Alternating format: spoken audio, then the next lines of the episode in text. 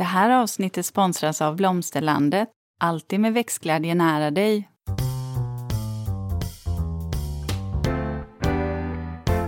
Välkommen till Ulrika och Lindas trädgårdspodd och det är jag som är Linda Kylén, trädgårdsmästare. Och det är jag som är Ulrika Levin, trädgårdsdesigner.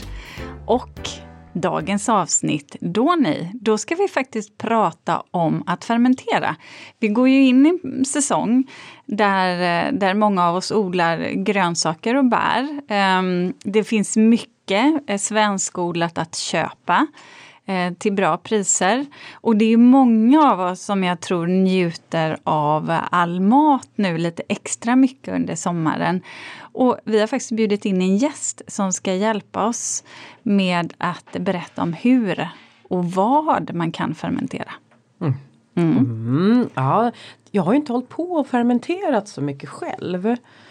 Men eh, vem vet, jag kanske kommer sätta igång efter det här avsnittet efter att vi har pratat, pratat med våran gäst. Ja, eh, jag har testat. Mm. Främst kanske med, med surdeg då. Eh, men jag, det här är någonting som jag vill prova. Mm. Eh, jag vill, vill, Jag tror vill, att det här vill, var ditt val också. Eh, ja, det var det. Ja. det var det. Det var ja. det verkligen efter att ha läst ganska många böcker. Vad rolig du såg ut där. Jag vill, jag vill, jag vill! Precis. Ja. Vill, vill, vill. Mm, vill, vill, vill. Men Linda, vad, vad har mm. du eh, gjort på med nu? Sen senast ja, precis. Det har ju du, varit midsommar och allt. Du, det har varit midsommar och allting och in i det sista så visste vi inte vart vi skulle vara någonstans. Men, eh, men det blev en, blev en eh, bra midsommar och vilka som skulle komma. Men sen, sen blev jag ju bokad på Nyhetsmorgon på eh, midsommardagen. Så att, ja, det har varit en härlig eh, energi kring hela midsommarhelgen. Och sen i måndag så fick jag lite räddning till min odling på Åsby. För då började en, fick jag en praktikant till mig. Som mm. Eh, en tjej som går på trädgårdsmästarutbildning. Som har börjat att praktisera och hon kommer vara hos mig här under sommaren lite till och från under ett par veckor. Åh, det är helt ljuvligt att få extra händer. Gud vad till. bra. Ja, du... Det känns ju helt orimligt. Ja. När jag tänker på när allt börjar växa så mm. blir det ju helt Ja, ja, ja. ja men hysteriskt. Det, nej men det är fantastiskt. Så att, eh, praktikanter Grattis. är välkomna till Åsby gård. Ja. säga. En hel hög. Ja. Precis. Nej men det är faktiskt. Och sen eh, Eh, nej men så att det är väl egentligen det. Det, det, är, det har varit festligt och eh, medialt och eh, arbetsamt och praktikantigt. Mm, härligt. Mm. Jag har tagit det ganska eller ganska lugnt höll jag på att säga. Det, det är väl en sanning med modifikation. Jag ritar, jag har fortfarande ritvecka. Men den här veckan också. alltså. Eh, ja, ja, jo men jag, jag känner att man vill ju eller i alla fall jag vill få iväg så mycket som möjligt eh, så att det blir färdigt innan sommaren. Så man kan ta sig an nya projekt. Det blir ju alltid en rivstart annars mm. där i augusti. Så att det, det, det känns faktiskt skönt. Sen är det ju alltid det här när resten av, när barnen är lediga. Mm. Eh, jag kan tycka att det är lite så här halvproblematiskt vet du för att de det är ju det där med tider. Jag kan ju inte stanna uppe hur sent som helst eh, när man går upp aptidigt på morgonen. Eh, så att, ah, det, det är lite, lite mer sådär flytande med tiderna kan jag tycka. Mm. Inte lika enkelt och rätt vad det är, ja men då är det fem kids som sover över och sen så och de lever ju verkligen sommarlovsliv, vilket jag tycker att de ska göra. Mm, Men jag, jag börjar längta till min egen semester, Jaha. känner jag. Ja. Faktiskt. Ja. Jag är ganska, jag är ganska ja, trött. Men du, jag tror att vi är ganska många som längtar till våra egna semestrar. Och så ska ju vi ut på poddresa, Linda. Ja, men exakt. Vi ska ju packa väskan här, för det är, vi drar här om en Nej, jag bara några dagar. Bara jag kommer dagar. ju till dig på, vad blir det, på, på lördag, lördag, söndag. Lördag, söndag. Till och med ja. kommer jag. Ja, just, och hänger jag hos dig några ja, dagar med Peter. Ja, och sen ska också. vi på konsert du och jag, på Pet Shop Boys ska Ja, vi. just det. Eh, också. Det ska vi ju göra. Det ser jag fram emot. Ja. Oj, oj, oj, oj. Mm. Jag har lyssnat på dem jättemycket nu sen, sen vi bestämde ja, att vi skulle jag åka. Med. Jag ja. med. Ja. ja, det är kul. Mm. Det blir bra Linda. Mm. Det Men blir du, bra. Ähm, mm. Vad säger du, ska vi eh, ringa, ringa upp. upp. vår gäst? Mm. Då säger jag hej till dig Jenny Neikell, fermenteringsexpert, eh, författare och eh, föreläsare. Och du har ju precis kommit ut med en ny bok, Fermentera. Punkt. Kokboken kanske vi ska säga. Ja. ja, tack så jättemycket. Superkul att vara med. Ja, men det stämmer. Nysläppt bok den femte i ordningen är det minsann på ämnet fermentering. Och det var ju lite så jag kom i kontakt med dig faktiskt Jenny, för att eh, jag tror att du skrev till mig på Insta någon gång och så insåg jag att men gud, det här är ju den människan som vars böcker jag har läst eh, faktiskt. Eh, när det gäller fermentering. Du har ju ett, Ja, kul. du har ju ett alias också. Du går också under namnet Surtanten. Ja, det gör jag. Ja, motsägelsefullt för någon gladare surtant har jag inte, har jag inte mött eller hört tror jag. Nej men jag gillar kontraster i livet liksom. Så ja, är man glad får man heta något med sur. Nej Ja. men det är, ju, det är ju för att jag håller på med det jag gör Ja. helt enkelt. Du- Sura grejer och eh, det är ju sånt som tanter har hållit på med i alla tider. Så det är också en liten så här, hyllning till tanter och deras kunskap. Som Ah. jag inte alltid får den cred den förtjänar. Du vet vad, jag har ju lyssnat på en föreläsning till dig. Mm. Ja, och den föreläsningen kommer jag än idag ihåg därför att det, du verkligen lyckades förmedla eh, och, och så här, prata om eh, bakterier och annat som finns i floran på ett gulligt sätt. så här, som små, Ja. verkligen levande organismer som man ska ta hand om och mata och fixa och dona med. Och att det var liksom, vi har ju pratat mycket om eh, olika typer av liv, mikroliv i jord och annat och nu finns det även ett annat liv i burkar. Mm. Ja, Precis. Alltså Mm. de är ju djupt fascinerande de här små eh, mikroorganismerna som vi har omkring oss överallt. Ja. Även då i, i jorden och, men också då på grönsaker och i Ah. maten. men du, så då kan ju du nu för oss förklara lite kortfattat. Vad är fermentering? Vad är nu grundprinciperna? Ja, alltså fermentering är ju ett väldigt brett begrepp egentligen men jag brukar sammanfatta det som matlagning med mikroorganismer. Så att det är ju egentligen att man tar en råvara och det vi ska prata om idag är ju grönsaker men det skulle lika gärna kunna vara mjölk eller eh, druvjuice och då fattar ni vad det ska bli. Vin. Eh, det kan vara spannmål, alltså mjöl eller baljväxter eller kött eller fisk. Så vad som helst, liksom en råvara som innehåller näring. Och sen introducerar man den här råvaran för snälla mikroorganismer. Och då kan det vara bakterier, gästsvampar eller mögelsvamp.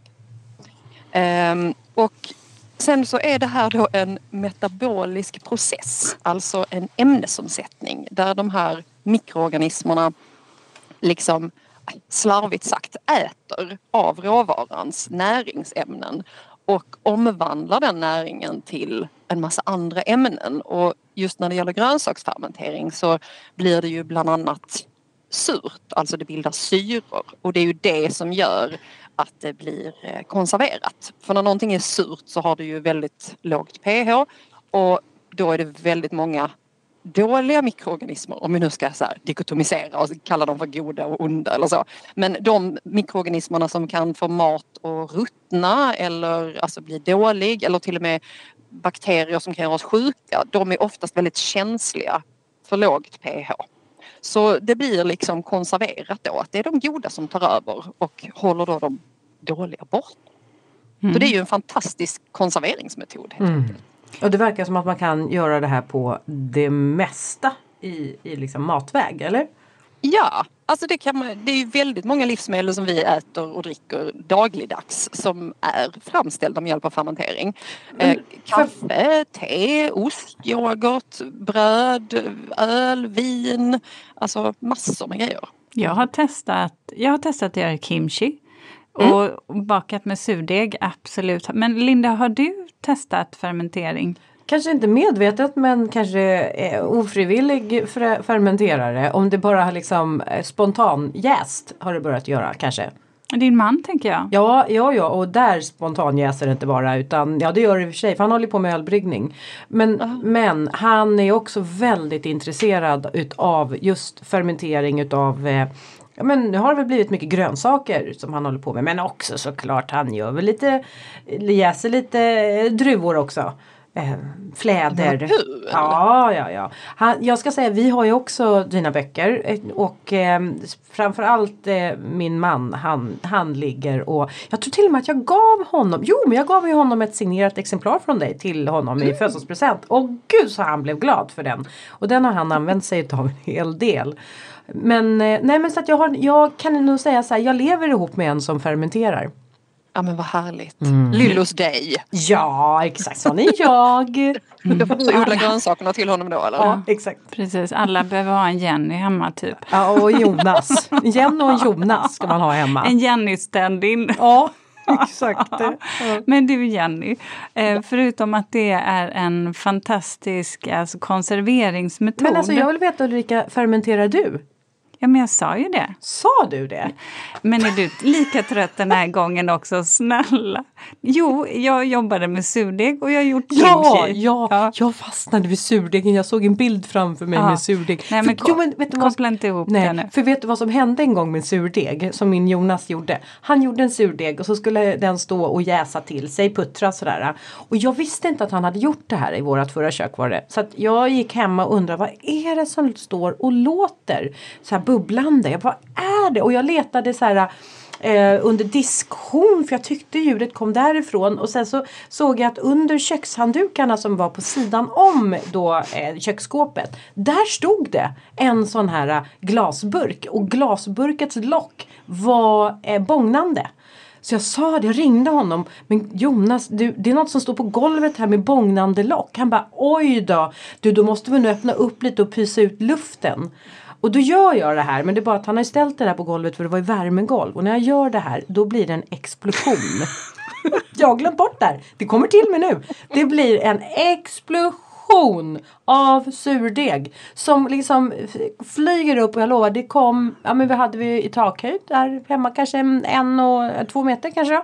Ja, ett tak här hemma, typ 2,40 skulle jag tippa på.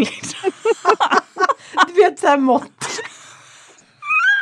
Alltså det är ju kraftfulla grejer man har att göra med så att eh, ser man Ja. en burk som ser lite spänd ut Ja. då ska man öppna den med stor försiktighet. Ja det gjorde inte jag. Det gjorde inte jag. Så vi, Men du lärde dig något i det Jag stället. lärde mig så att vi, har sur, vi hade surdeg i hela, hela taket. Jag tror inte vi fick bort allting innan vi sålde.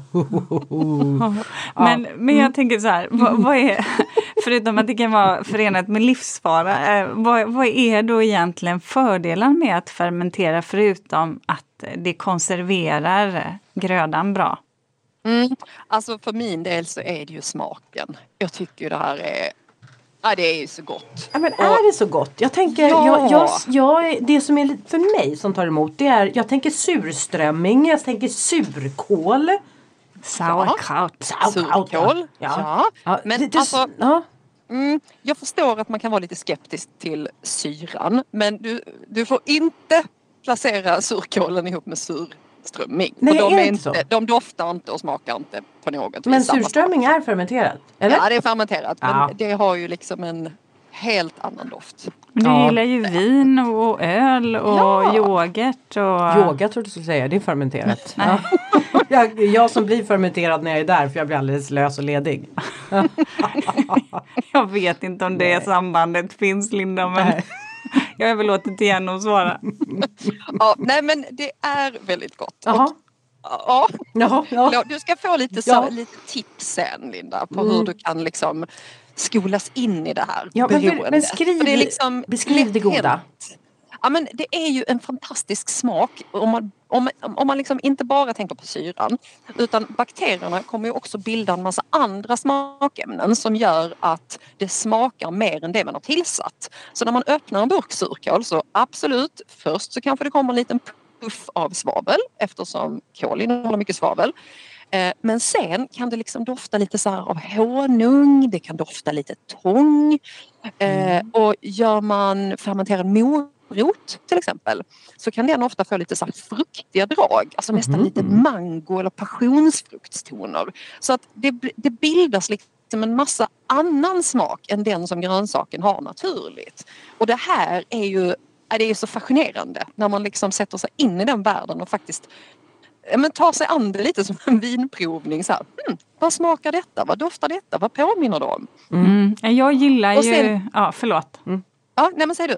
Jo, alltså det är ju det här jag gillar. Jag gillar ju mycket smak eh, och eh, kan ju också tåla ganska mycket syra.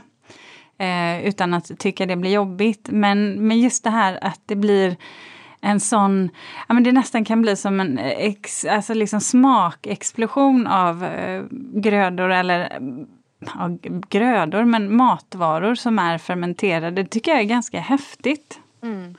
Ja men det är ju det och det är liksom det är ju ingenting som vi människor framställer utan vi bara preppar lite och sen lämnar man burken med bakterierna åt sitt öde ett tag och sen har de liksom smaksatt det åt oss. Så vad skulle man säga är anledningen till att du har gått in så för fermentering? Är det ett för att du vet att du kan lagra grönsaker eller mat under längre tid och spara?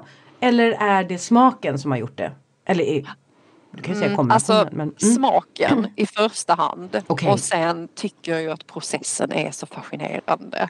För att jag tänker du som gillar yoga då, Mm. alltså det här är ju en sorts mindfulness att hålla på med. Nu låter det kanske lite flummigt men för någon som gillar att kontrollera saker, jag, Jaha, ja. eh, så är så är fermentering verkligen en sån här ödmjukande upplevelse för att man kan styra den till en viss punkt men bakterierna bestämmer ändå i slutändan. Och då får man liksom bara backa tillbaka och så här, "Ja, så här blev det den här gången.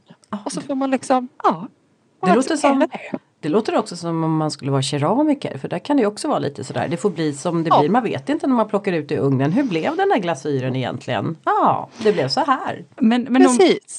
men då, då stopp, stopp Jaha. ett tag. Stopp ett- Nu kommer hon här. Okej. Ja, men så här, Sak, vet du vad? sak. Nu har vi pratat några av fördelarna. Jag tänker det finns fler som vi kanske kommer benämna. Vi, jag tänker att mm, det måste ju vara ganska bra för magen också. Men det jag vill komma in på är ju nackdel. När du sa det där mindfulness, Jenny, så kopplar jag det direkt till det här att Linda bland annat och många av, eh, av er lyssnare är ju definitivt så att jag tycker att det är ganska eh, rogivande att gå runt och påta i trädgården medan jag tycker det är ganska tråkigt. fattar inte det där. Nej, jag vet. Jag fattar inte det där. Jag vet, men, men då, då är ju det är, är det liksom en tidsödande process? Är det någonting som gör att, alltså är det en nackdel eller är det bara en fördom eh, att, att, som jag har? Att det kommer kräva så himla mycket tid av mig. Jag vet ju, en surdeg är ju egentligen inte tidskrävande för man gör ju få moment. Mm. Sen står den ju bara. Precis. Men då skulle jag säga att håller man på med surdeg så är grönsaksfermentering snäppet enklare.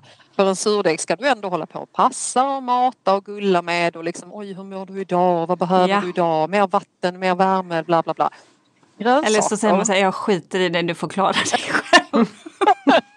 Ja, där kan man hamna ibland. Men med grönsaker så är det liksom, du behöver ingen starterkultur, du behöver inte hålla på och fjäska för någon särskilt länge. Utan du går och skaffar dina grönsaker i köksträdgården eller på, i butiken. Och sen så har du salt och en burk. That's it. Så kör du och sen är det liksom en kvart senare så kan du ställa den där burken och glömma den. Det är jätteenkelt och det är absolut ingenting som man ska tänka så här Åh vilket jätteprojekt och när ska jag ta mig det här tiden? Ja men där ligger jag, jag, brukar liksom, jag brukar slänga ihop en burk surkål när jag ändå står och rör i en kastrull typ. Så hackar gud, man lite, kål, lite kål. Ja men alla kan ju hacka en grönsak liksom, eller riva en grönsak.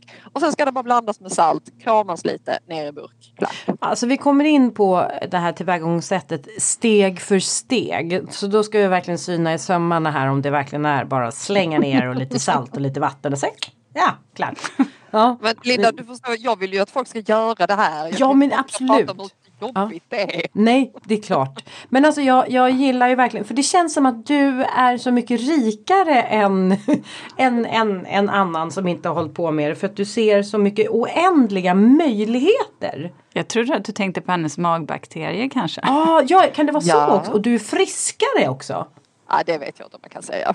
Generell hälsa är ju ett rätt komplext begrepp. Ja, det är Men- det. Verkligen. Men ska Ja. vi prata magbakterier? Magfloran, Magflora, tarmflora. tarmflora. Ja. Ja men absolut. Mm. Eh, som sagt, mycket komplext område.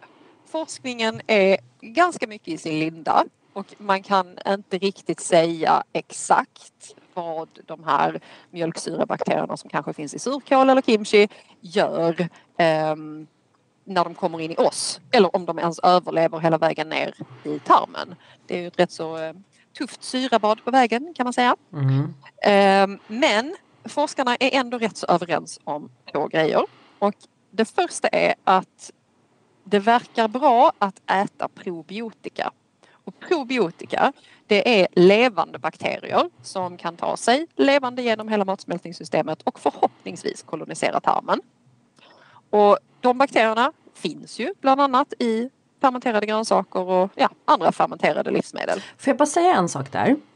Mm. Det är så här, jag har ju hästar och jag har haft en häst som har varit ganska så här dålig i magen. Och jag har försökt liksom med alla möjliga så här äh, medicinska hjälpmedel och veterinär och allt vad det var. Och annat hö och eget hö, torrt hö och allt vad det var.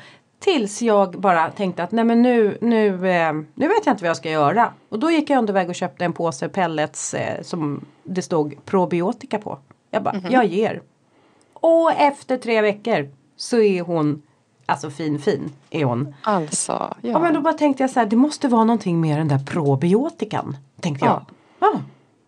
Ja. ja men det är alltså Apropå. Nu kanske jag låter lite liksom, sval men det är bara för att jag gillar inte överdrifter. Jag tycker så här, forskningen får gå först och sen kommer jag efter och liksom så här, Mm. vad har ni pysslat med? Ehm, men i alla fall, det verkar bra att äta mycket levande bakterier, så kallad probiotika. Och det finns ju då i fermenterad mat. Och anledningen till att man säger det är att det finns ju vi har ju en massa olika arter av bakterier i tarmen och här i väst så har vi kanske någonstans mellan 600-800 olika och i andra länder som lever närmare djur och natur och äter mer varierad kost, alltså man kanske går ut i naturen och plockar grejer och så. De har ju ungefär det dubbla och saknar också många av de välfärdssjukdomar som vi har här. Och då har man kunnat dra slutsatsen att fler bakterier verkar bättre. Så det är det ena. Och det andra är att forskarna menar att vi behöver äta mer prebiotika. Och det här är kanske ännu viktigare. För prebiotika, det är vattenlösliga fibrer som eh, våra kroppar inte kan tillgodogöra sig. Vi kan inte bryta ner de här fibrerna för de är väldigt komplexa. Men tarmbakterierna, de kan bryta ner de här fibrerna och det är liksom deras favoritmat. Så det handlar helt enkelt om att vi måste mata de tarmbakterier som vi faktiskt har och se till att de håller sig glada och kan göra oss ja, friska. Hålla tarmen frisk och påverka oss på olika positiva sätt. Eh, så äter man liksom bara skitmat så får man inte i sig de här fibrerna för de finns då i ja, sånt som vi vet är nyttigt. Liksom. Frukt och bär och grönsaker och havregryn och spannmål, fullkorn och baljväxter och så. Så de här två grejerna, liksom, ät levande bakterier och sen ge dem någonting att äta. Så är man nog ganska hemma. Mm. Vad kan man egentligen fermentera? Vi har ju varit inne lite på det, du sa ju det. Grönsaker. Men är det något man ska undvika så att säga? Vad, vad fermenterar du helst? Alltså av, är det grönsaker eller är det vete, alltså säd eller vad? Jobbar du med allt och finns det något som du bara kan tycka att nej, Alltså man kan ju fermentera allting som innehåller tillräckligt med socker. Och det kanske låter lite så här, va? Grönsaker och socker, vad pratar hon om? Men det är ju sockret i grönsaker eller i mjölken eller i eh, Eh, vad heter det? spannmålet som är näringen till bakterierna. Ehm, så allting som har tillräckligt med näring kan fermenteras. Men eh, jag är ju vegetarian så jag låter ju bli surströmmingen till exempel. Eh, och eh, köttprodukter håller jag inte heller på med. Men annars, eh, alltså just nu är det ju drycker som är roligt. Rabarber, eh, rabarbersoda och fläderchampagne och alltså mm, det lät ju lite grejer. gott. Ja, Ja, Jonas han har gjort fläderchampagne. har han? Får Hur man säga smakar det? champagnens? Men han har, jo men du, torr. Ja. Eh, jag kan nog inte beskriva det mer än så. Men den var så här, det, det är ingenting som man, man dricker som så här något till dessert eller alltså den är ganska mm, Din gubbe han är duktig på sådana grejer. Jag, är, Mm. jag vet att min man var ju på en ölbryggarkurs med, med honom. Och sa direkt efteråt att det där, nej, Det, det där kommer aldrig bli av. Eh, det var så himla mycket med renlighet att ja. göra. Och är det samma sak med fermentering? Eh, Nej, alltså det är ju det som också är skönt. Det är klart att man ska ha en bra kökshygien. Ja. Men man behöver liksom inte hålla på och sterilisera saker och koka upp. Och, nej. Utan helt normal kökshygien som om du skulle laga mat. Det mm. räcker fint. Ja, vad gött. Men är det här liksom, är det här en prylsport eller kan vem som helst komma igång? Alltså vad behöver man för utrustning egentligen? Mm, alltså det är absolut inte en prylsport och det är det som jag tycker är så himla skönt. Folk, folk försöker göra det till det men, men jag vidhåller att det enda som man behöver köpa det är en burk. Och då är det en sån här glasburk med gummiring i locket och en liten metallbygel som man spänner fast locket med. Mm. Och de kostar liksom 30 spänn ja. i matvarubutiken. De finns överallt. Mm. Ja, precis. Och i synnerhet nu då på sommaren. Liksom, ja. så. Ska, man, ska man ha någon särskild storlek tycker du på? Alltså ska man, om, man, om du skulle välja lite olika burkar så att säga beroende på vad man brukar göra naturligtvis. Men så här, om man som nybörjare då ska, ska köra igång, vad, hur många liter eller deciliter tycker du skulle vara bra att ha? Jag tycker ju att en liters burkar är perfekta. Mm. För de, de är liksom, det är en lagom stor mängd för att fermenteringen ska bli, bli bra. Är det för liten mängd så kan det vara svårt att få igång det. Eh, och sen en en liters burk får plats i kylskåpet. Ja det är, det är sant. Ju, mm. Mm, tyvärr är det ju det som är liksom den, den enda nackdelen skulle jag säga med fermentering. Måste det stå i kylskåp? Ja, alltså de måste ju inte det. För det här är ju någonting man höll på med för tusentals år sedan innan det fanns kylskåp. Men vill man att det ska hålla länge och hålla sig krispigt och fräscht i smaken och inte bli missfärgat och att bakterierna ska hålla sig vid liv så länge som möjligt. Då är det kylskåpsförvaring som gäller. Men mm. den kommer ju inte bli farlig om man lämnar den i rumstemperatur i ett halvår heller. Mm. Tycker du att man ska göra så då med sina, alltså när man fermenterar? För att eh, ska, ska man göra det så man har några olika typer av äh, ja, fermenterade produkter? Eller är du mer så här en sån som kör, ja men nu ska vi käka det här till middag äh, om några dagar. Då kör jag igång den och sen gör du ungefär så mycket så att det räcker och sen så ja, fermenterar du hela tiden eller gör du liksom som, som storkok då? Om jag säger så. Ja, jag gör storkok så kan man säga. För att så här är det när man håller på i köket att städtiden är liksom lika lång oavsett om du har gjort ett halvt kilo eller 12 kilo.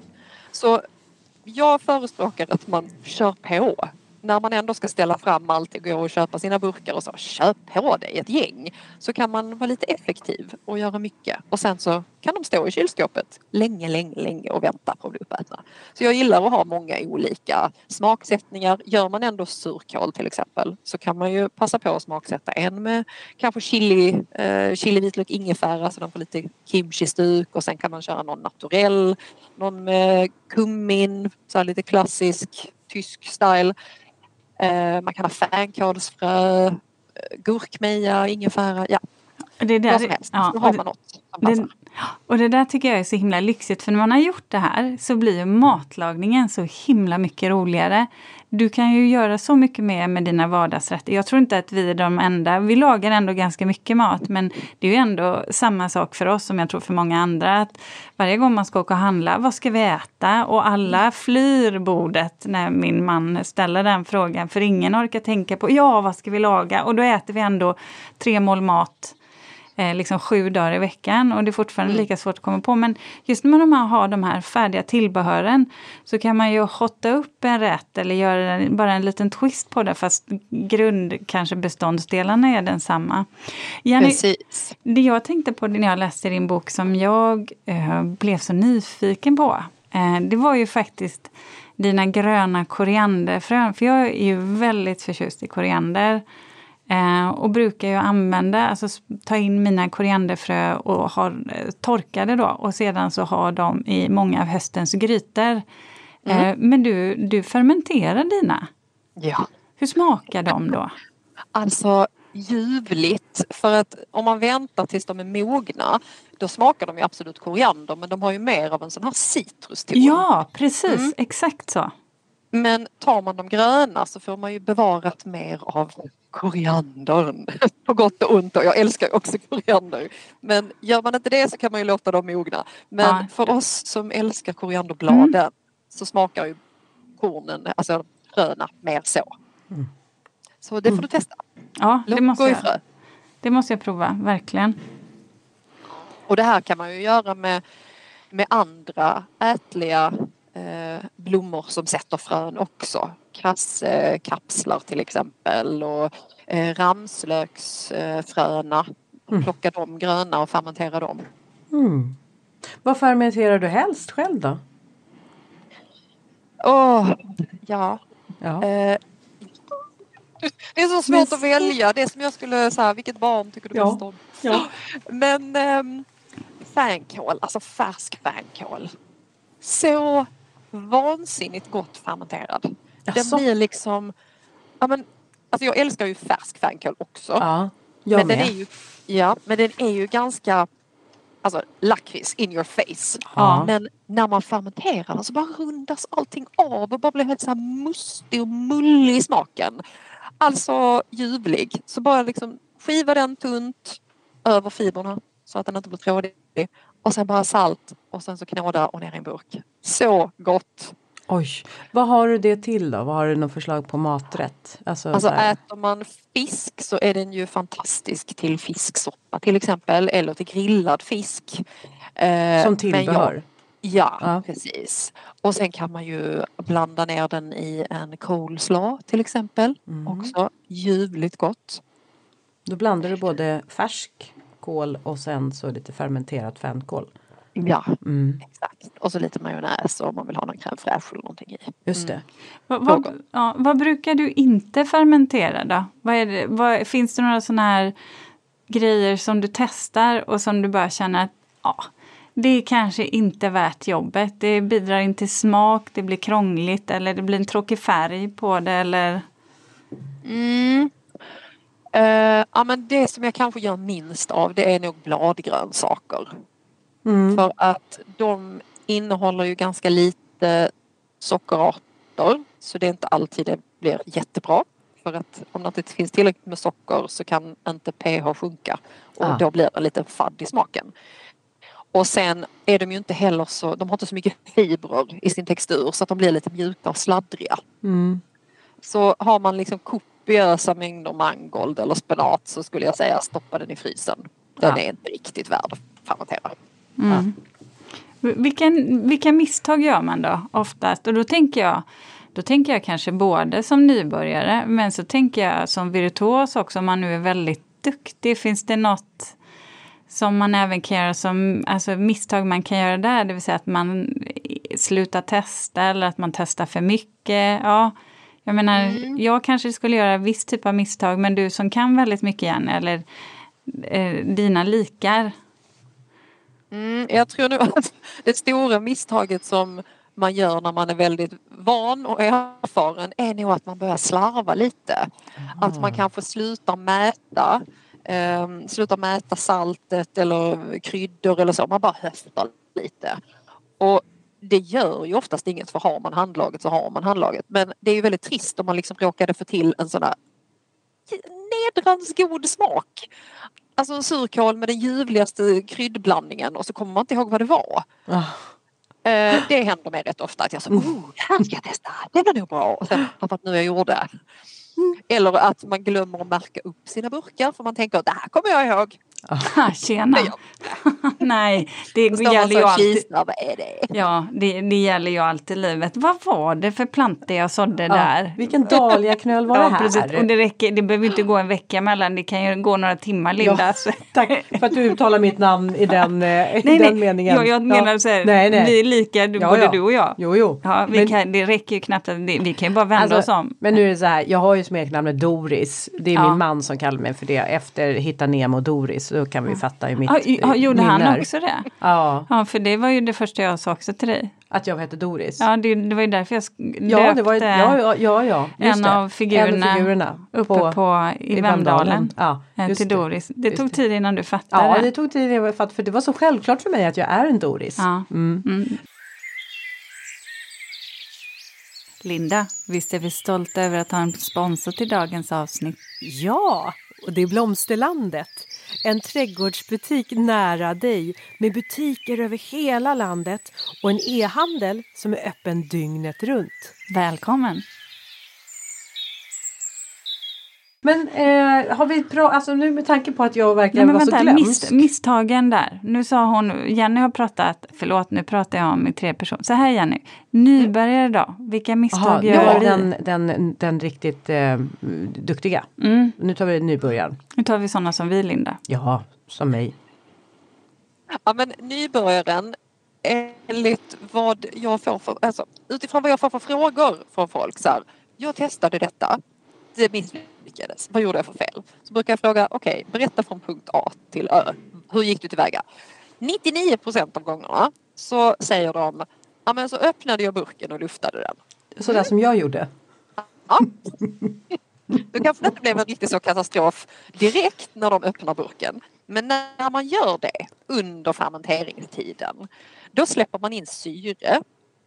Och det är syre som är den stora fienden i grönsaksfermentering. För den kan orsaka både mögel, eh, gästpåväxt som inte i och för sig är farligt men ger en ganska äcklig smak och gör att grönsakerna blir lite slemmiga i konsistensen. Eh, och sen kan det också ge oxidation för syre oxiderar saker och då får man en missfärgning som också kan få en lite metallisk bismak typ. Eh, och då br- brukar jag säga varför öppnar du? Ja men det stod det på nätet. Ja, då säger vi en gång för alla här. Öppna inte burken under fermenteringen. För det är oftast då det går fel. Och så är man ju så nyfiken och tänker så här, men jag ska bara krypa lite. Ja. Men återigen, här får man bara så här, backa tillbaka. Låt bakterierna göra sin grej. Så det är nog det. Mm. Okej, jag känner mig träffad. Mm. Ja, jag är så nyfiken och tänker lite snabbare. Jag bara luktar lite ja. Men du, kan vi inte prata då lite så här, hur går man tillväga steg för steg? Morötter, Mm. Absolut. Morötter kör vi. vi, vi Då- kör det. Ja, då hämtar man sina morötter från kylen eller trädgården. Mm, trädgården. Och är de helt nyskördade i trädgården så räcker det med att skrubba dem. Och istället för skala då. Mm. Så målet är, du vill inte ha grus i munnen. Det är Nej. på den nivån. Liksom. Ja. Sen river man dem grovt på rivjärn eller i matberedare. Alltså river, så här finriver typ som. Nej, grovriver. Mm. Men, alltså, ja, men man, man gör inte slantar utav dem. Det kan man, men då, det får vi ta sen. För att det är två helt olika tillvägagångssätt. Så vi ska Ah. inte röra ihop det för folk här. Eh, Ja. Så du börjar med, eller vill du hellre slanta så kan vi ta den först då. Ja, jag vill hellre slanta. Ja, då Ja. slantar vi. Ja, vi slantar. Okej, skrubbat morötterna, slanta dem eller gör ehm, stavar eller ja, vad du nu vill, bitar. Och sen tar du den här konserveringsburken med gummiringen, ställer den på en digital våg och så nollställer du så att burken liksom inte väger någonting. Mm. Sen stoppar du i dina morotsslantar, häller på helt vanligt kallt kranvatten så att det täcker. Det ska inte vara hela vägen upp till kanten men lämna en 3-4 centimeter. Mm. Och sen så tittar du på vad det står på vågen och då säger vi för enkelhetens skull att det står 1000 gram. Då gångar du 1000 med den salthalt du vill ha och jag brukar använda 1,5 procent. Mm. Så då tar du 1000 gånger 0,015 och då får du fram salthalt, alltså saltet i gram, vilket blir 15 gram. Mm. Och 15 gram motsvarar en matsked. Så då tar man en matsked, slänger i det, stänger burken, vänder den några gånger så att saltet löser upp sig och sen öppnar man den. Sen är det jätteviktigt att grönsakerna håller sig under vä- vätskeytan hela tiden. Och ni vet ju, lägger man morotsbitar i vatten så flyter de. Så då behöver man ta, då, då måste man göra påstricket. Och då tar man en fryspåse, två liters brukar jag oftast använda. Öppnar upp den och sätter ner bottenflikarna i burköppningen. Och sen häller man vatten i påsen så att det liksom står kanske en halv centimeter från kanten på burken, alltså vattnet i påsen då.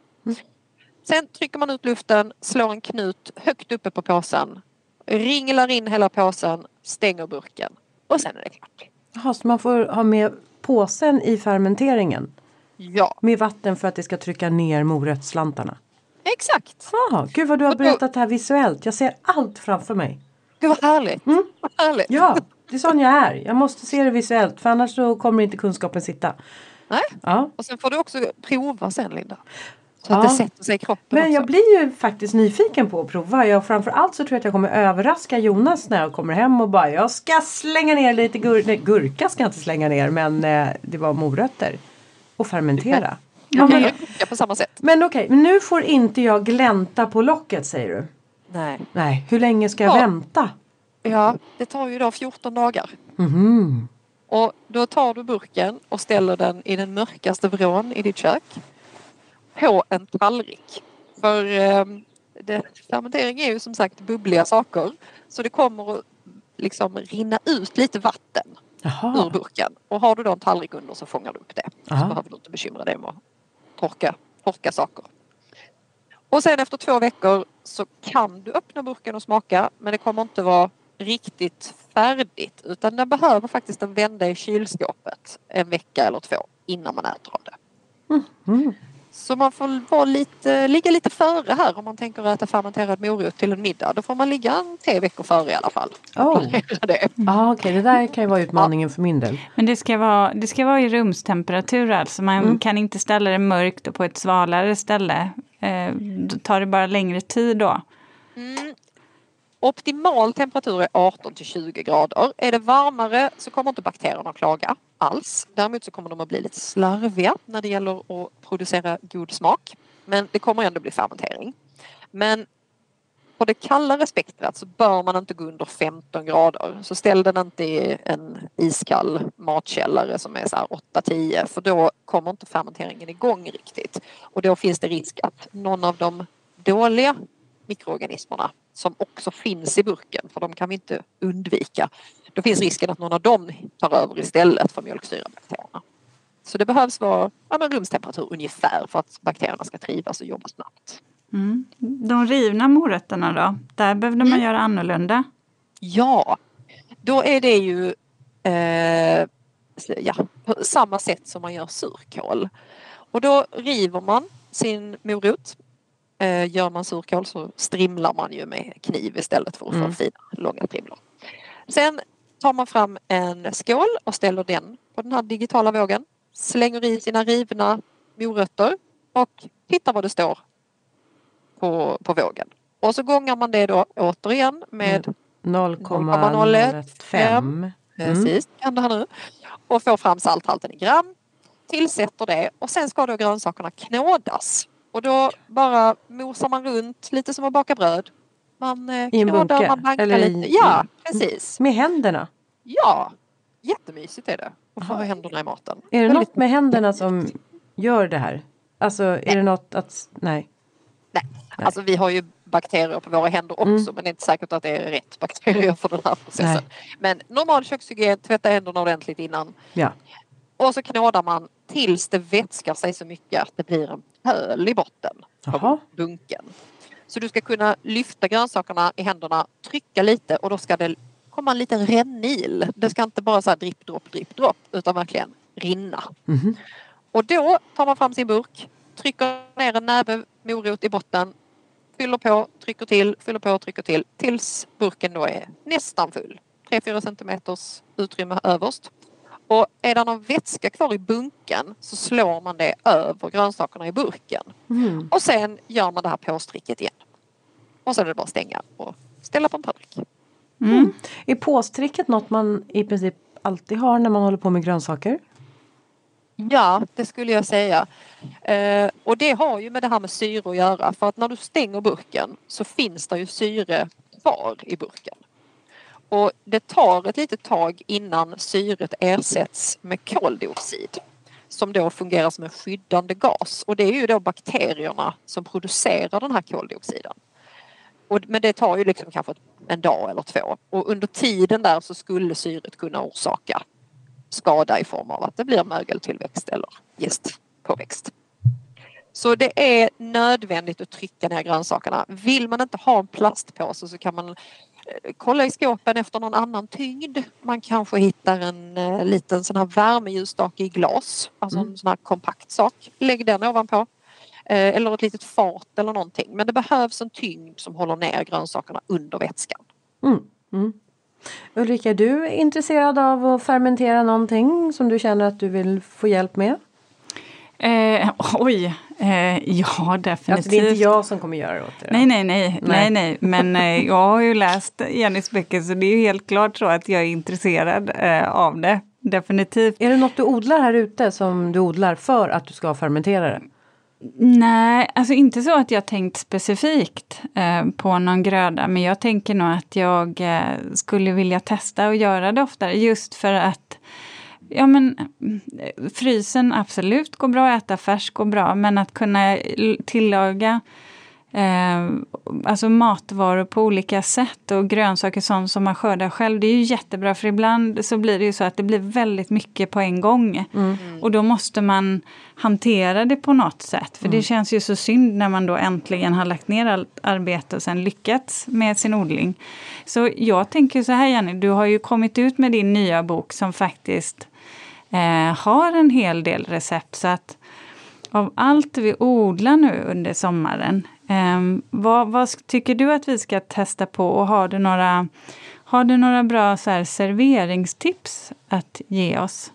Mm. Eh, alltså det här, du har ju verkligen rätt i det här med att eh, allting kommer på en gång. För det är ju inte så att man, åh jag sår tre stycken majrovor nu och sen väntar jag två veckor och sår tre majrovor till. Utan man sår ju liksom 30 och så står man där med ett berg. Mm. Och då fermenterar man överflödet. Det är ju det bästa. Eh, men har man inte fermenterat innan så tycker jag att man kan börja med lite surkål och börja då med en naturell, bara salt. Och sen kan det vara bra att ha någon rotfrukt, till exempel morot eller majrova, rättika blir också jättegott. Så att man har ett par, par tre olika, kanske fänkål eller kanske lite frilansgurka. Eh, Så man har några olika varianter i kylskåpet som man kan välja med för då blir det liksom roligare att laga mat. Mm. Eh, och kanske en kimchi också. Och man den allt det här måste ju inte... Mm. Vad sa du? Ja, Har du fermenterat olika grödor alltså? Du gör inte så här sam, samfermenterad av mering Det av kan man flera? göra. Men jag tycker att det är gött att hålla isär dem Okej, faktiskt eftersom ja. de har så olika smak och Ja. konsistens. Ehm, men kör en kimchi-variant också med chili, vitlök och ingefära och den måste ju inte göras på salladskål även om det kanske är den vanligaste sorten. Man kan göra det på vitkål eller på morot eller på ja, vilken grönsak som helst med den smaken. Och sen så kommer man ju kunna använda de här i sjukt många olika goda rätter. Ehm, jag tänker på ehm, så här, ostpaj, alltså ni vet västerbottenpaj. Mm. Släng i lite avrunnen surkål i den. Alltså, det blir så gott. Om man gillar ostpaj, mm, den, den blir tio gånger godare med det här lite syrliga, det är lite crunchy och så alla de här fantastiska smakämnena och den här saftigheten.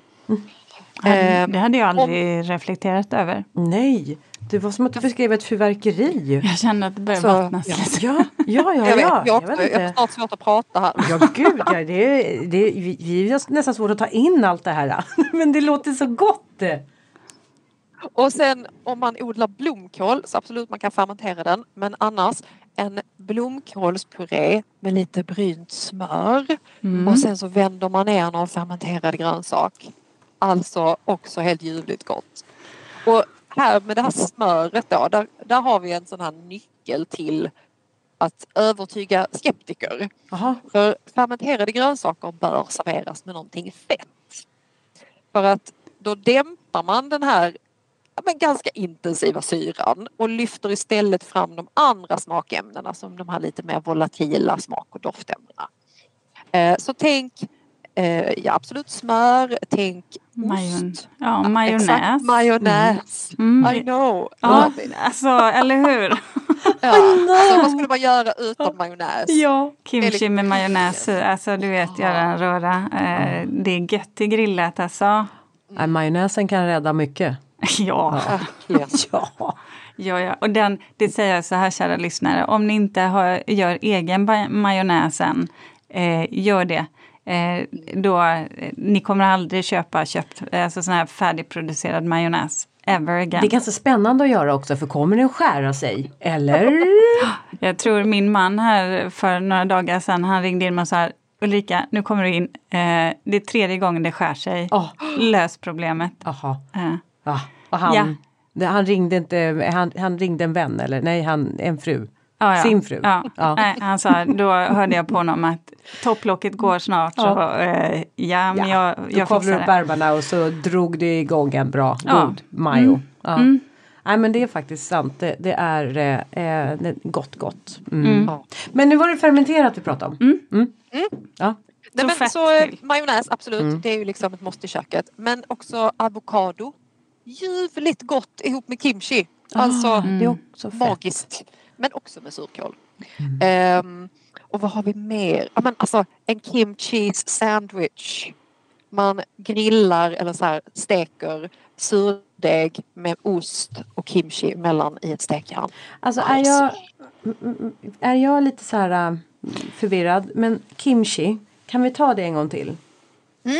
Det är ju från Korea och är oftast, alltså det finns tusen recept, men oftast så är det salladskål, kinakål, som man blandar då med salt och sen gör man en kryddpasta som består av chili, vitlök och ingefära.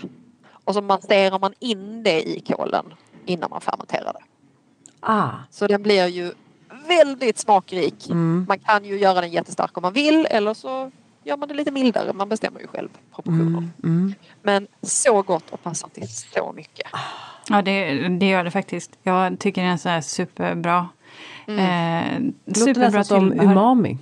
Ja, det är lite Väldigt vanlig smak. mycket. Ja det är det. Mm, mm, ja, det låter definitivt. som att det är något sånt. Ja. Men du Jenny, jag tänker så här, eh, dryck pratade ju du om. Eh, om man skulle vilja ha någon, om man skulle vilja testa på att fermentera någon god dryck, eh, med eller utan alkohol höll jag på att säga, men du vet, det kan vara en vanlig eh, dryck eller drink eller någonting som man kan äta utan alkohol eller dricka. Mm. Vad, vad, vad testar, vad skulle du testa? Du har något sånt där som du ställer fram och bjuder på?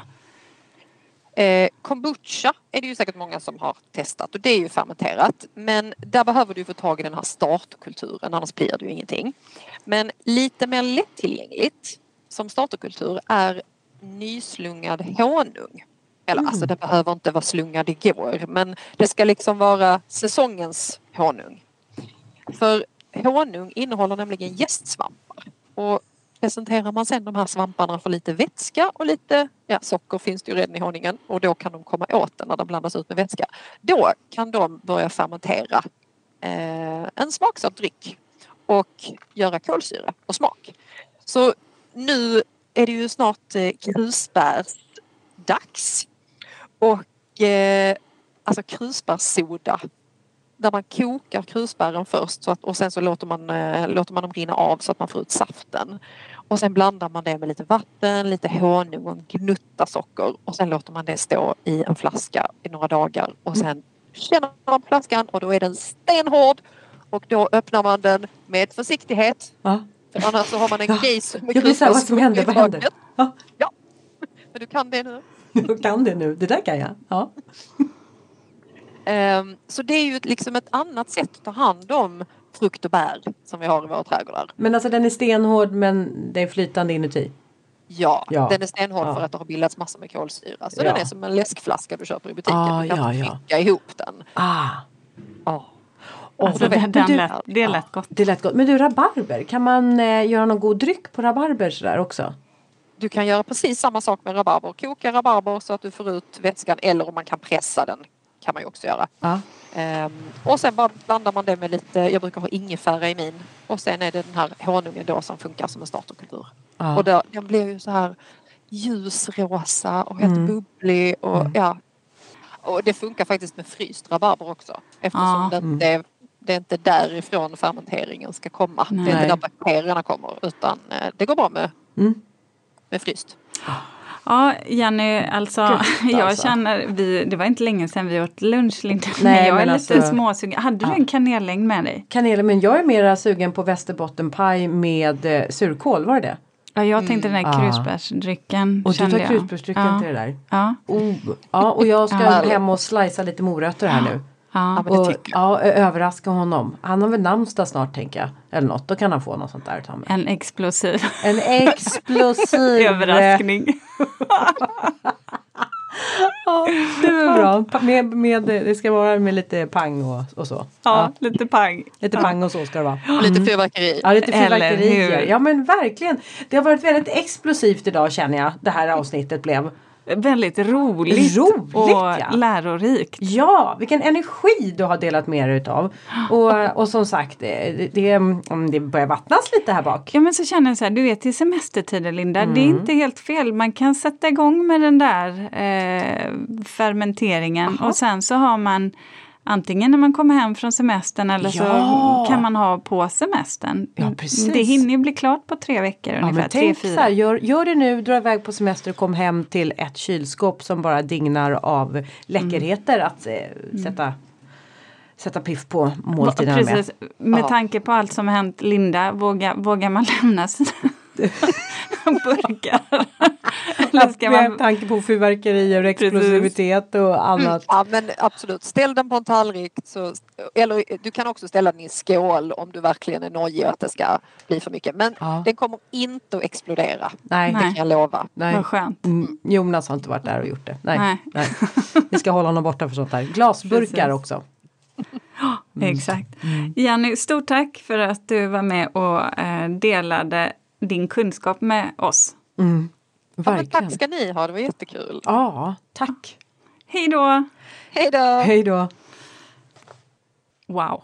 Jag kände, jag kände spontant att jag måste nog köpa ett till kylskåp. Ja men eller hur, det var det Ja. där ja. Ja. Det var kylskåp, en liters glasburkar och sen skapar vi lite, inte fyrverkerier men eh, lite em, fermenteringar. Ja, för jag tänker så här, vi har ju två frysar och Mm. det, det tycker jag är, det behövs för vi, ja men du vet, vi plockar mycket bär och vi Har ni någon fryser in frys i mycket. källaren eller? Ja, det gör vi. Men det är ju nästan som man skulle behöva ha en, eh, en till, ett till kylskåp. Å andra sidan så tänker jag så här, nu är det klart, nu är vi ju inte, nu är vi bara fyra eh, i familjen som bor hemma i ett hushåll så att det är inte lika fullt längre. Men Nej, Men ändå med tanke på hur vi har blivit inspirerade till att dra igång våra fermenteringar så ja, ehm, jag ska testa i år. Ja men jag kommer göra det. Jag, har, jag kommer göra det. Det kommer, jag kommer, vet du vad, nej jag höll på att säga när du kommer ut till Åsby här nu när vi ska på vår poddresa då ska jag bjuda dig på eh, fermenterade morötter men det inser jag ju, det hinner jag inte, det är bara tre Nej, dagar kvar. jag trodde att du kanske skulle säga då skulle du sätta mig i jobb. Men då kommer jag nog säga, då kommer jag nog arbetsvägra och så tänker jag så här att eh, vi, ja, men vi har annat att göra. Vi ska inte Ulrika, stressa vi ska oss inte igenom. jobba när vi kommer till Åsby.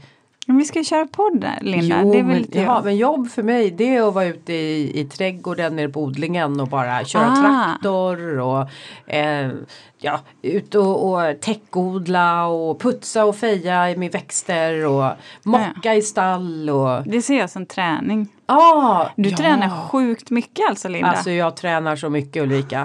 Alltså du ser ju på mig hur mycket jag tränar. Vet du vad faktum var att nu när det är sommar då har jag tagit av mig och så vet man går ju, man går ju jag trivs ju bäst i polotröja.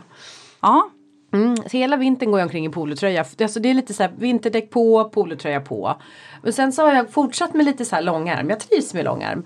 Och, men det var så varit så varmt så har jag dragit- tagit av mig. Och så har jag gått så här med linne. Och då har jag faktiskt själv stannat till lite emellanåt och bara när jag passerat en spegel och bara Men gud vilka, vilka armar! Ja. Alltså de, jag har inte tänkt på att jag har muskler på mina armar. Det är ganska snyggt faktiskt. Ja. Det kan jag säga, det, det har jag också. Men de har bara kommit dit. Alltså det är ju inte så att jag har jobbat för dem. De har ju bara hamnat där. Man behöver använda armarna. Ja, det gör jag utan att jag tänker på det. Mm. Ja. Ja. Det, det är bra. Det är därför jag sitter med en sån här koalabjörnspåse på Ja. mig.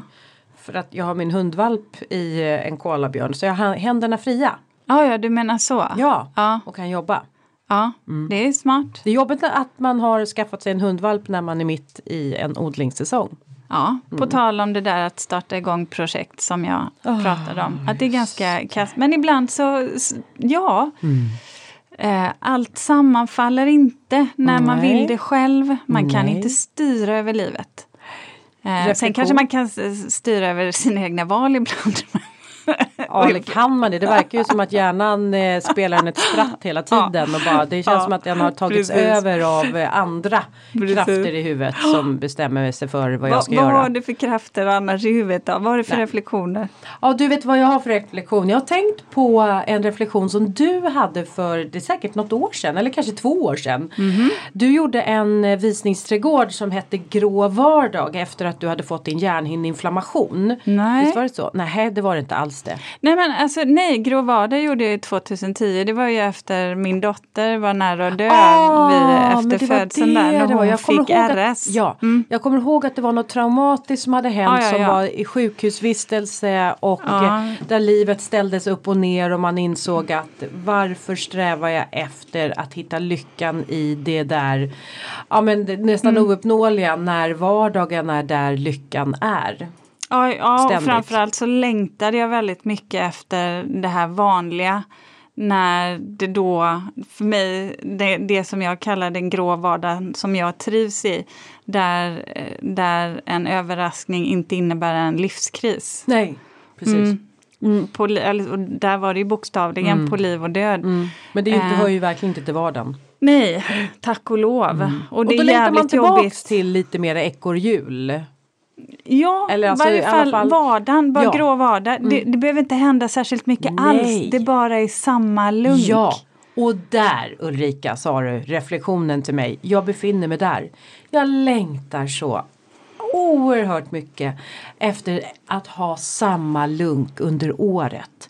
Sådär att jag vet att eh, nej men den eh, eh, typ eh, 20 juli då tar jag fram krattan och krattar upp alla bladen från eh, lindens blommor eller någonting. Eller att jag vet jag inte om det ens då. Men alltså fattar du? Jag, Mm. jag hela tiden så här okej och på våren då börjar jag att sätta ut mina plantor på mina odlingsbäddar. Och Fixa sen- dina två krukor. Ja och, exakt. Ja. Ja. men, så här, bara, men så här gör jag här för så här har jag gjort de senaste åren. Det finns ingenting sånt. Vi, Jonas och jag har liksom bara det, det är som att vi har målat över hela våran ritning på vårt liv. Och sen ska vi bara hitta en, en ny ritning. Och så blir det bara så här kladdeduttar. Liksom, Exakt, överallt. exakt så Ja, blir det. fan vad jobbigt. Eh, Och, eh, och sen så är det hela tiden att vi börjar alltid från minus. Och vi kommer liksom Vi kommer kanske upp till liksom neutralläge men vi kommer aldrig på plus. Därför att eh, allt är nytt. Vi ska bygga nya odlingsbäddar. Vi ska göra en ny humleodling. Vi ska bygga nytt stall. Vi ska bygga nytt hönshus. Och jag vet. Jag har ingen annan att skylla på än mig själv. Fast du hade ju en pandemi också innan. Inte för att du kan skylla på den men jag tänker då ju- fick ju du göra många saker för första gången Ja. också för du var ju Ja. tvungen att ställa om faktiskt. Ja, du vet det där har jag Så du har ju bort. haft Men ganska nu påminner du mig lång om det. Det har varit ganska period. Det är kanske är därför jag börjar känna mig lite så här. ah, Jag vill bara få, jag, jag börjar bli lite trött på att tänka nytt hela tiden. Ja. Jag skulle vilja vila huvudet i att tänka gammalt och rutinmässigt. En grå vardag som du säger. ja. Och sen så helt ärligt Linda, Mm. första gången är väl inte alltid Det bästa. det bästa. Nej, Det är väl inte alltid lyckat. nej. Vi har väl bara Faktiskt i många det. lägen. Vi konstaterar det. Ja. Mm. Men det blir bättre. Det blir bättre. Det blir bättre när man har fått lite vana på saker. Och ting ja. Ja, Det tror och jag. ting. Du, eh, det var min reflektion men eh, podden är inte slut för det för vi har Ulrika kvar så nu eh, man vet aldrig vad som har tjattrats om i huvudet hos dig. Nej. Nej, faktiskt inte. Nej. Det kan vara så sjukt förvånande Fast nu ibland. sitter du i en ganska självsäker position. Nej, men vet så du att det vad? känns som att du bara okej Ja. jag öppnar upp. Hon sitter med, med händerna bakom huvudet så här. Ni Ja. vet. Man öppnar upp sig för, för världen. Och, Precis. Ja. Eh, nu det är är också en självsäker position. Ja, jag vet. Ja. Jag, jag är ofta med- i dem. Du hamnar i de där. Men det, det, så nu är det väldigt intressant att höra vad du har för reflektion. För det låter som att det är någonting som är... Nej, jag har... Jo. Jag, eller, Ja. det, jag... Ja, så här. Det är ju semestertider snart och man börjar ju packa. Eh, grejen är bara det att eh, jag inte hittar mina saker, Linda. Nej, men, Och jag har ingen loge. välkommen till Ja. gänget! Det Jo, finns i logen. Jo, precis, i logen. Ja, logen. Det finns i logen.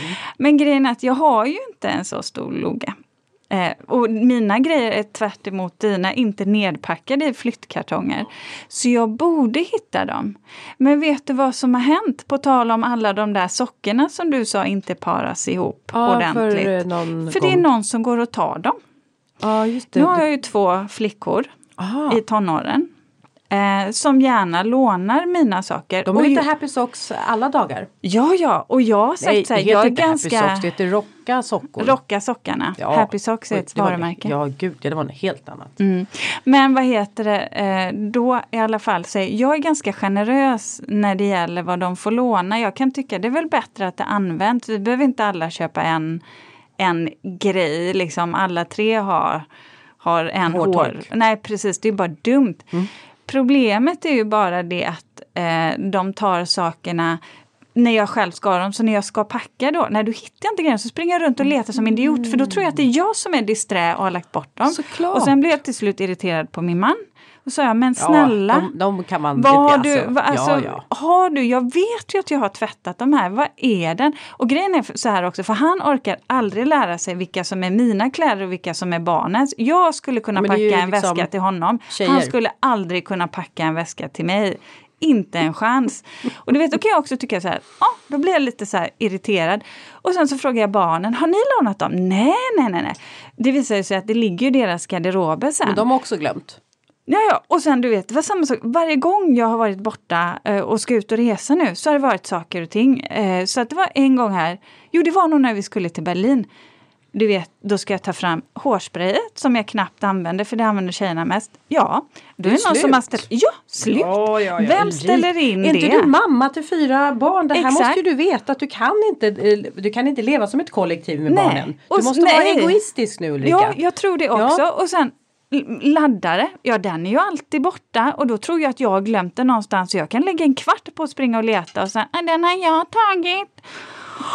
Och sen till slut så sitter jag, sitter jag med min yngsta och så facetimar vi med min äldsta dotter och så är vi alla tre tillsammans. Och så hade jag köpt ett nytt läppstift och sen så, så säger min yngsta så här, men mamma, eh, du har ju redan eh, ett rött läppstift. Och då säger jag att ja, jag vet, men jag hittar det ju inte. Då säger min äldsta på Facetime nere från Linköping, men det har ju jag mamma. Det har jag haft här nere hos mig i ett år. Det Satt med lånade jag. jättefina läppar där och bara, men mamma. Och jag bara, du vet till slut, jag kom ner till min man och bara sa så här, jag blev ta mig fan vansinnig. Oj. Okej att man lånar en grej, men du vet när man själv då Ja. kan vara lite disträ Ja. eh, och sen få leta, inte efter bara en sak, utan åtta saker. Du vet, det går inte bra för Nej. mig. Men vad har du för inte det. slutsats då, då? Ego, nej det du sa, Ja. man får faktiskt vara lite ego. Ja. Så nu har jag faktiskt gömt alla mina bikinisar för de får jag inte heller ha i fred. Åh, så så går sa inte jag du själv hitta dem Nej, då? men då? så säger jag så här till barnen, nu får ni köpa egna. Då får du gå på en annan strand så här, där sådana eh, Ja, jag, kan, jag inte tänker inte köra naturist vet du. Så Nudist. Att, Mm, ja, men kallas inte de för naturister då? Eller är det Är någonting det, annat? Är det, vad säger du där borta Peter? Ja. Nu, ja, jag vet Ja, att det är naturist. nudist, men vad är det man kallas Eller för naturist? naturalistisk eh, Nej, nej, nej, nej. Skitsamma. Utan kläder. Nakenfis. nu ser vi alla oss framför sig att Ulrika inte ens hittat sin bikini. Ja, ja. Nej, nej, men naken, det badade jag bara i Siljan. Ja Eh, just det, det ja. gjorde du ju. Ja, det gjorde jag. Nej, nej, nej säger jag. Du, Ja. Du trodde inte på mig, så jag skickade bildbevis. Nej, inte på att du var naken. Nej, nej. Nej, i Siljan. Du, satt, du skickade när du, vi såg bara ett huvud. Ja, Ja, så jag vet inte vad som var under vattenytan. ingenting Ja, förutom det- mig. Ja. Sjöodjuret också. Sjöodjuret. Ja, eller det finns väl inget sjödjur i Siljan? Nej, det tror jag inte. Det är? Storsjön, Nej, va? Storsjön. Mm. Ja. Vet du, ska jo, vi, ska jo, det vi, finns i Siljan också, säger Peter. Ska vi, ska vi, va? Brukar du bada där? Va? Du också? Jaha, ja. Nej, vet ni vad? Eh, vi avrundar. Men eh, lyssna gärna under sommaren för att vi kommer ha många spännande gäster med oss. Ja. ja. Eh, och framförallt intressanta ämnen. Oh, ja. Mm. Vi hörs om en vecka. ja, det gör vi. Hej då på er! Hej, hej! Jo då. Jo då. Jo då. Men vet Du ni vad du såg? P- så. eh, två huggormar när vi var ute och sprang. Det var så jävla läskigt. När vi var uppe